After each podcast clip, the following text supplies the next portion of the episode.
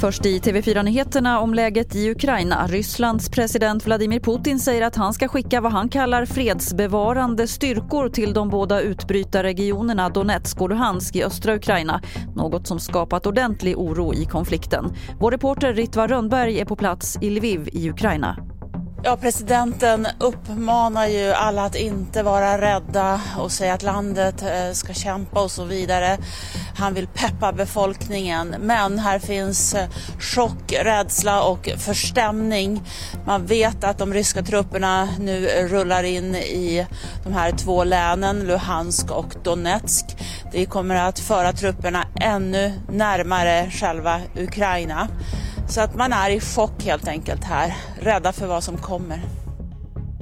Polisen utreder ett misstänkt mord i Varberg efter att ha larmats till en bostad där igår kväll. De vill inte lämna några detaljer alls om vad som hänt på platsen men en person i 40-årsåldern har gripits som misstänkt.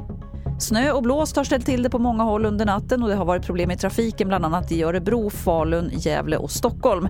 SMHI har nu tonat ner sina vädervarningar men det fortsätter att vara besvärligt på en del ställen, framförallt i Uppland och på Gotland. Fler nyheter det finns på tv4.se. Jag heter Lotta Wall.